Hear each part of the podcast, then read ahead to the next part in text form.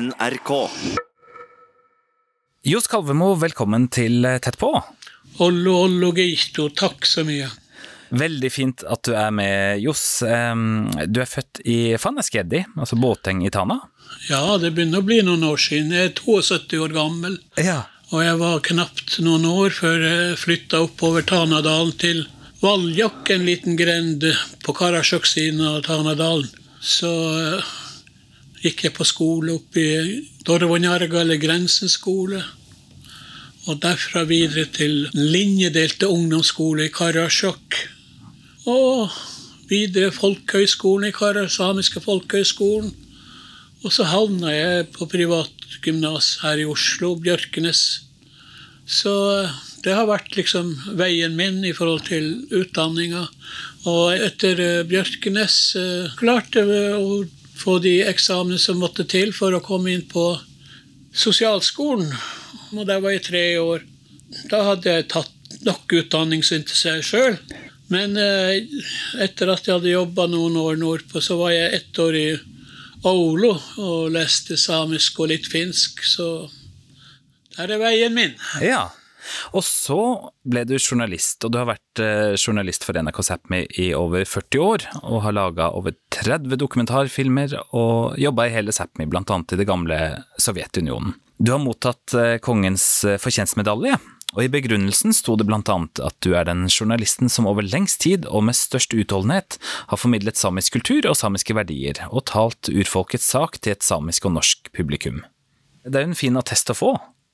Det er jo det, å når jeg fikk vite at jeg hadde fått eh, Eller at man skulle tildele meg kongens fortjenestemedalje, så var jeg ikke så sikker på om jeg hadde fortjent. Men etter hvert så jeg begynte å tenke over det, så eh, Det er nok mye i det, den, den begrunnelsen der. Hva var grunnen til at du ønska å bli journalist, da? Nei, jeg begynte å frilanse både for Sameradioen i Inare, i Kiruna og eh, Tromsø den gang. Og også frilansa jeg for Altaposten. Og jeg ble bitt av basillen, og jeg syns det ble litt for snevert for meg å jobbe kun med å si, klienter i et lite miljø, og da kunne jeg utvide horisonten. Jeg var, jobba jo innen sosial sosialsektoren. Jeg jobba i skolepsykologisk kontor og sosialkontor i Kautokeino, hvor jeg ble sosialsjef.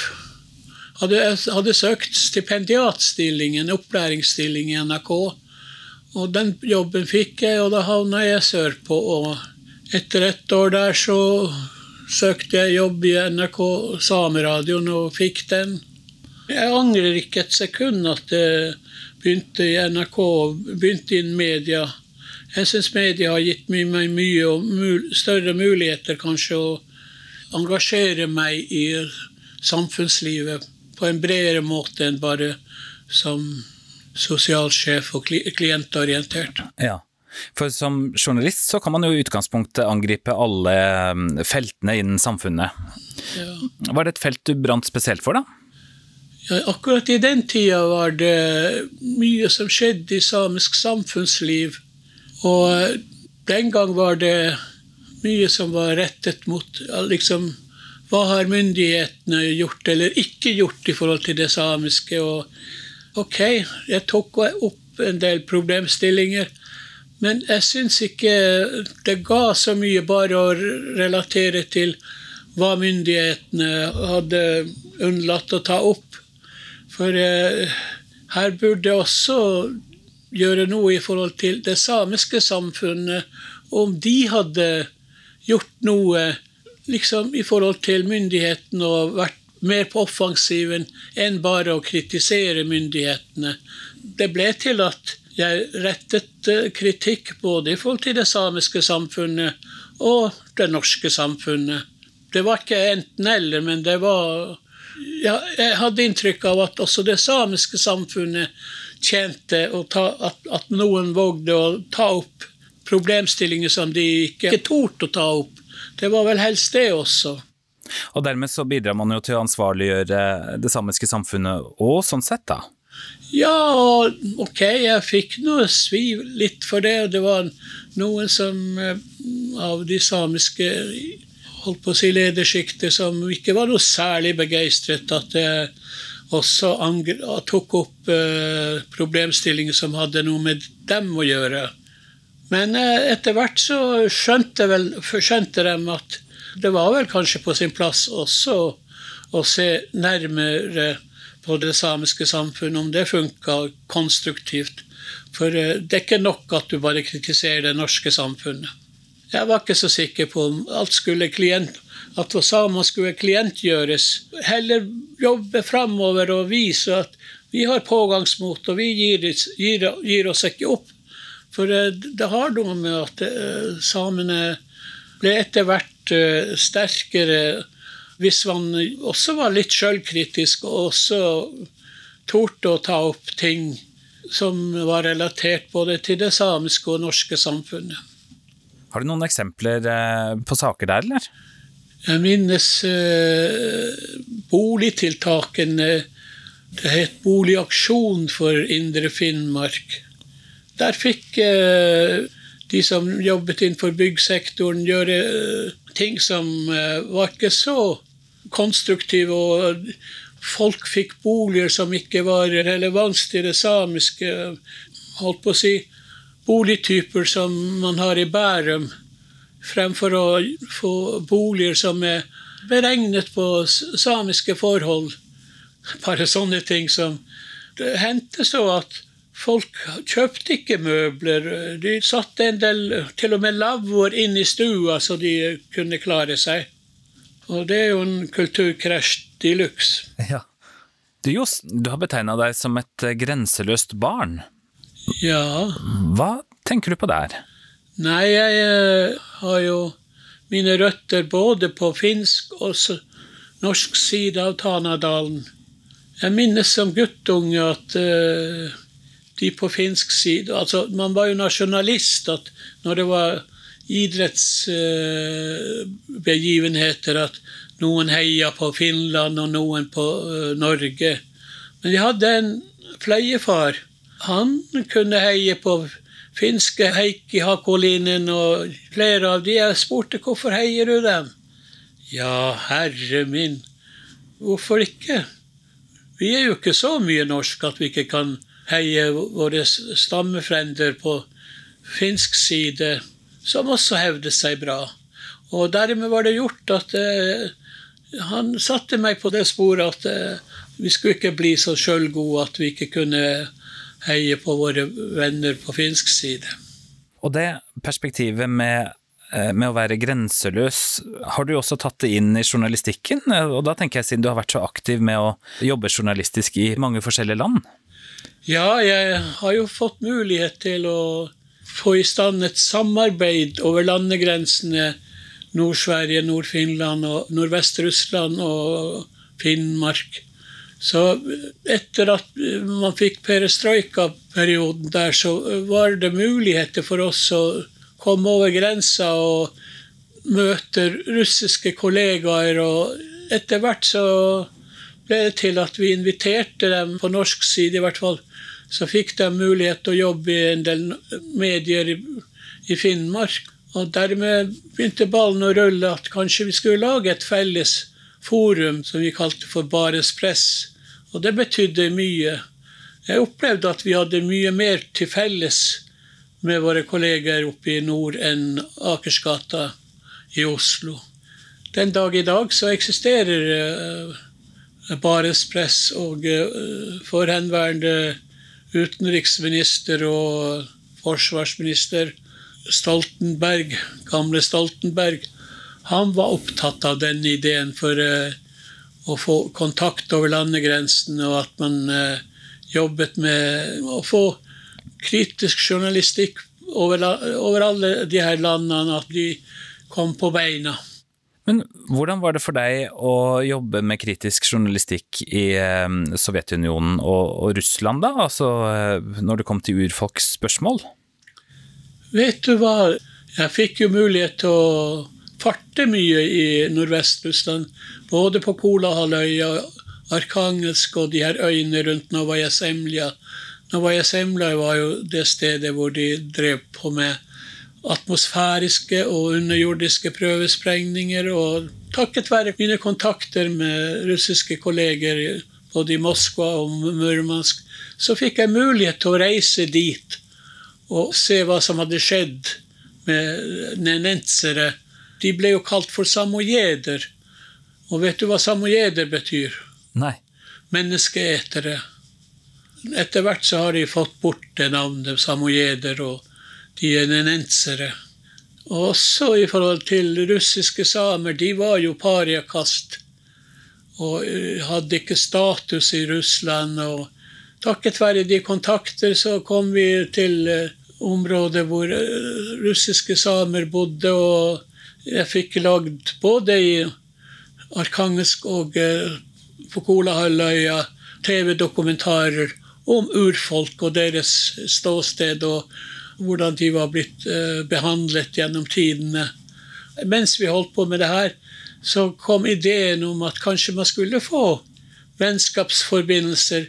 F.eks. ble det til et vennskapssamarbeid mellom Karasjok og Lovoser, og de er vennskapsbyer. Det har gjort til at man har fått til en del prosjekter som våre stammefrender på russisk side har fått uh, positive ting ut av det.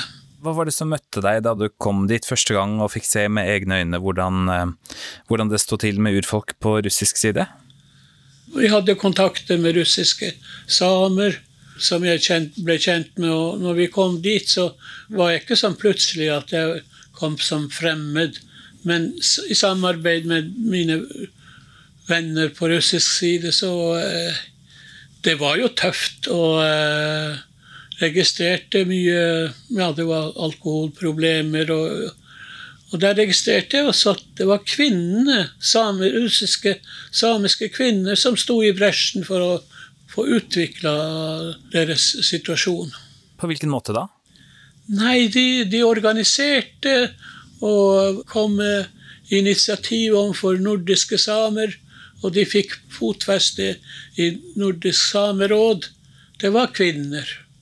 Og de kom til Verdensrådet for urfolk, også der kvinner fra russiske samer. Jeg må si at jeg har vært eh, glad for at de hadde nok kraft.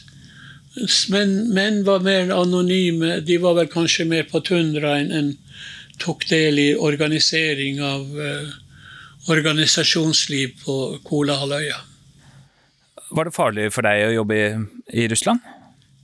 Ja, når du sier farlig og farlig Jeg fikk jo mulighet til å farte mye og tok del i organisasjonsliv. Etter hvert så fikk jeg jo klarhet i at jeg ble overvåket. Alle mine reiser til Russland var blitt overvåket. Den dag i dag så vet jeg ikke hvem var det som overvåket. Var det POT eller KGB? Men jeg var overvåket, og eh, når jeg farta f.eks.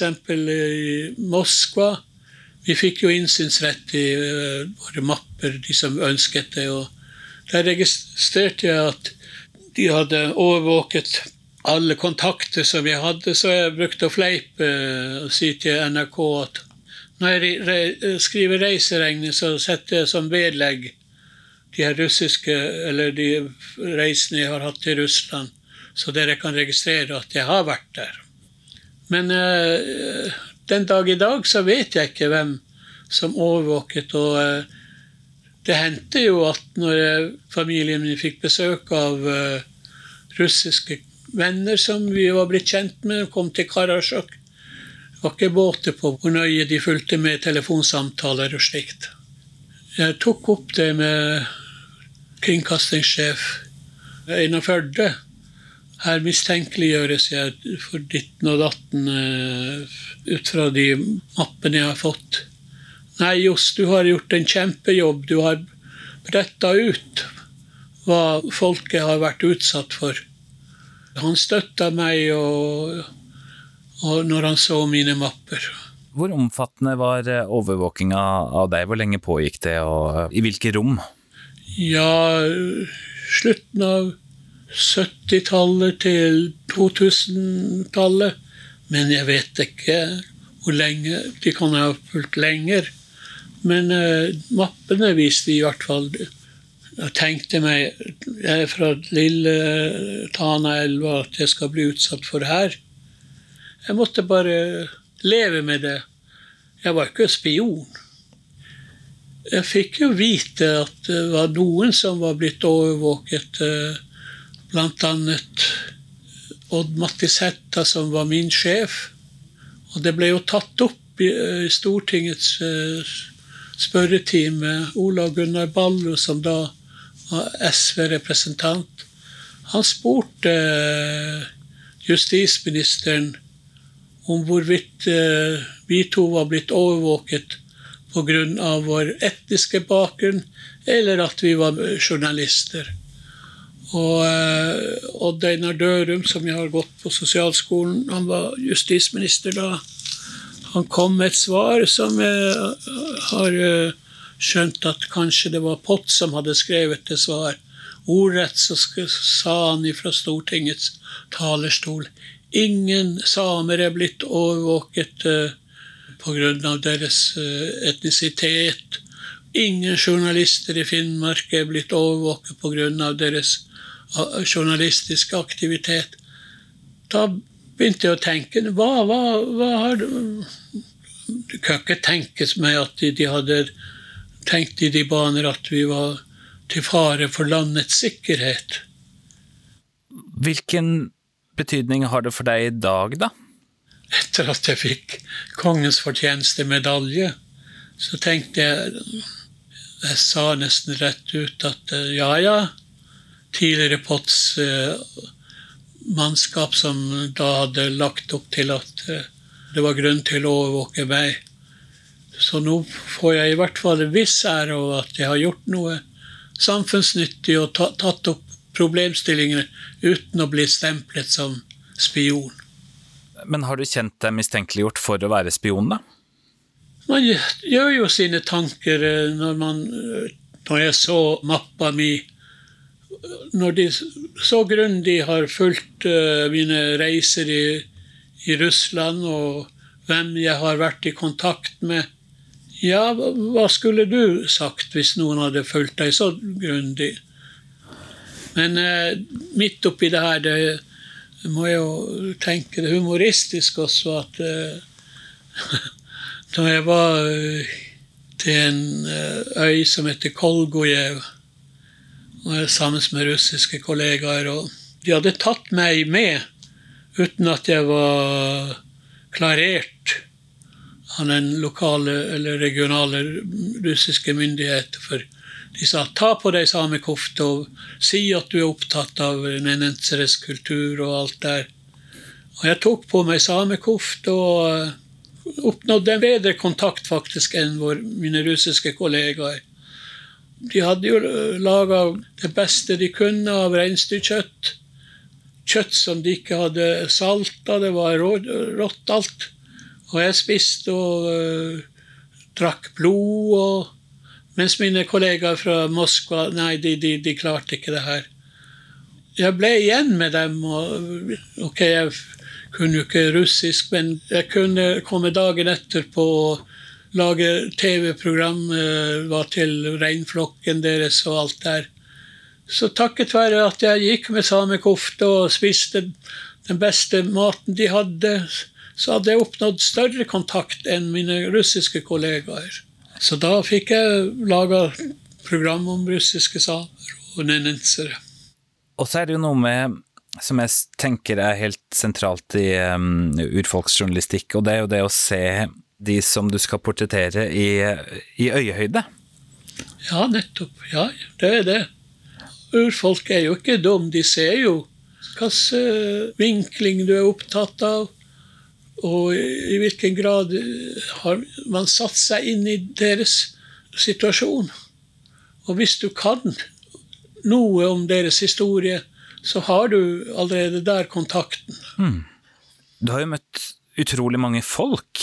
Er det ett møte som sitter spesielt igjen, som har gjort spesielt inntrykk på deg? Jeg hadde jo tidligere vært til uh, Rigoberta Menchus uh, områder og uh, opplevd en del tøffe ting der.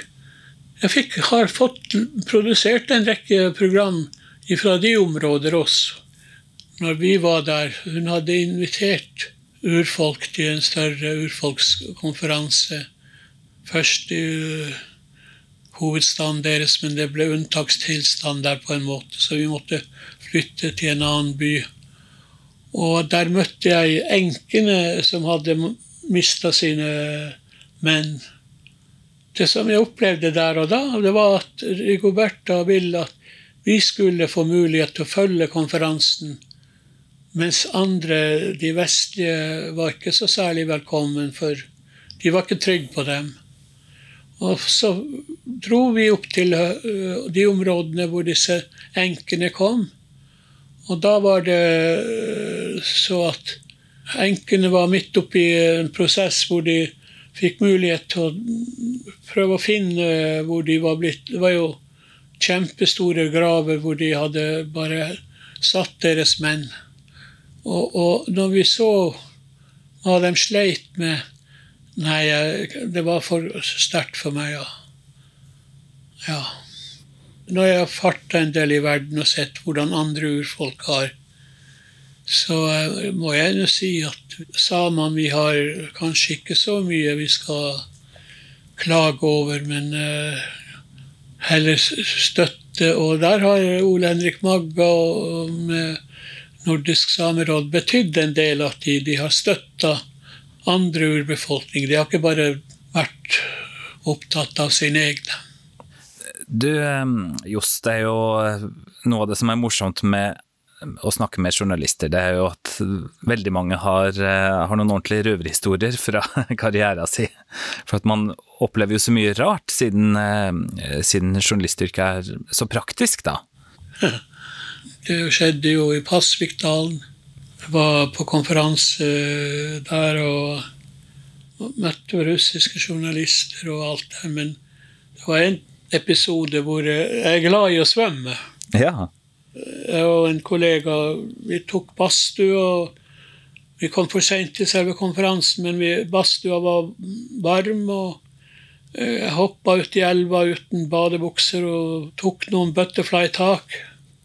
Jeg visste ikke at grensa gikk etter hvor dypt det var der. Så jeg hadde passert den russiske grensa, var allerede på russisk side. Så roper vertsfolk at det, det ble et liv der, og nå må du komme tilbake, for du, nå er du på russisk side, og da kommer snart uh, den russiske vaktbåten, som, og da kan du havne i Sibir. Oi. Jeg hørte det, og da Jeg tror jeg har aldri svømt så fort som da. For det kunne jo skjedd at jeg kunne blitt tatt i fengsel og havna i Sibir uten, uten badebukser. Uff da. Jeg var jo vant med Tanaelva, det er jo fredelig der. Jeg kunne svømme over til mine slektninger på, på, på finsk side og bada med dem og alt der. Men Pasvikelva er jo grenseelv, så der bomma jeg. Så du vaktene, da? Ja, vet du hva? Når jeg kom på land og var på vei til badstua, så kom uh, vaktbåten med flombelysning og you name it. Da var jeg glad at jeg var på land. Du har jobba over 40 år som journalist. Har du noen gang brukt internett i jobben? Uh, ja, først i senere tid, ja. ja. Og Grunnen til at jeg spør, det er at jeg er litt nysgjerrig på metoden din. sånn sett. For mitt inntrykk utenfra er at det viktigste har vært eh, de menneskelige møtene. Ja, absolutt. Absolutt. Og eh, jeg var ikke helt trygg på internett i forhold til mine russiske kollegaer. Selv om det var på engelsk og alt der. Men eh, nei, det er de menneskelige kontaktene. Hva syns du om journalistikken i dag, da? Skal jeg være ærlig? Ja, det må det være. Jeg har en følelse av at den yngre garde er ikke nok De er, de er historieløse. I og med at de ikke relaterer så mye til vår historie og hva folk har vært igjennom. det blir mye overfladisk og underholdningskarakter av det de gjør. Så jeg skulle ønske at de var mer historieorientert enn bare å fleipe og ja, lettvinte program. Savner du lengre program med substans, eller savner du det i den daglige rapporteringa? Begge deler. For hvis uh, våre ungdom våre, ja, som, Hvis de ikke får nok informasjon om det som har skjedd, og heller ikke i skolesammenheng har de klart å nøste, så uh, gjerne begge deler. Ha en mellomting mellom de, de historiske relaterte områder og det som skjer i dag. Så hvis man klarer å finne en balansegang, og at uh, ungdom uh, ser utfordringer i å jobbe med, med, historiske program, og at man er ikke så historieløs. Du begynte jo som journalist på 70-tallet, og jobba i over 40 år. Hvilken retning syns du det samiske samfunnet har tatt? Jeg må si at når jeg ser den oppblomstringa og kulturreisninga som har skjedd fra 60 og utover. Det har eh, betydd mye for folket vårt. Jeg syns ikke at vi samer skal til stadighet være så opptatt av at vi har vært utsatt for det og det. Det er noe sant. Men samtidig må vi være stolt over at man har ikke gitt opp, og det går framover. Vi er ikke klienter. Vi, vi står på. Er det noe som du mener man burde være spesielt opptatt av å bevare og videreføre? Ja, jeg ser jo at kanskje våre kunstnere, forfattere og, og kanskje de har mer gjennomslagskraft enn våre samiske politikere. Ikke det at samiske politikere ikke gjør jobben sin, men det gledelige er jo å, se, å registrere at uh, våre kunstnere og artister og you name it, de, de er på uh, kanskje et høyere nivå enn mange av de norske. Internasjonalt så gjør de seg gjeldende. Da må man være stolt over det folket som er kommet så langt. På hvilken måte har eh, journalistikken vært eh, en livsstil for deg? Ja, jeg må nå si at det har vært en utfordring fra den tida jeg starta, fram til jeg slutta. Jeg, jeg syns jeg har fått mye liksom, ut av det jeg har fokusert på, og lært mye. Og, og også uh, blitt sterkere. At jeg tør ta opp problemstillinger som jeg ikke torde å ta opp når jeg var yngre, uten journalistikk. Jeg vet ikke hvordan livet mitt hadde vært. Johs Kalvemo, tusen takk for uh, ditt mangfoldige bidrag som uh, journalist uh, opp gjennom årene, og tusen takk for at du var med i Tett på. Ja, gehto besemelde muistalit, kosan besa muistalit, juha goist, mu parku birra. Jeg heter Svein Lian. Tett på fra NRK Sápmi er produsert av 1 til 1 Media.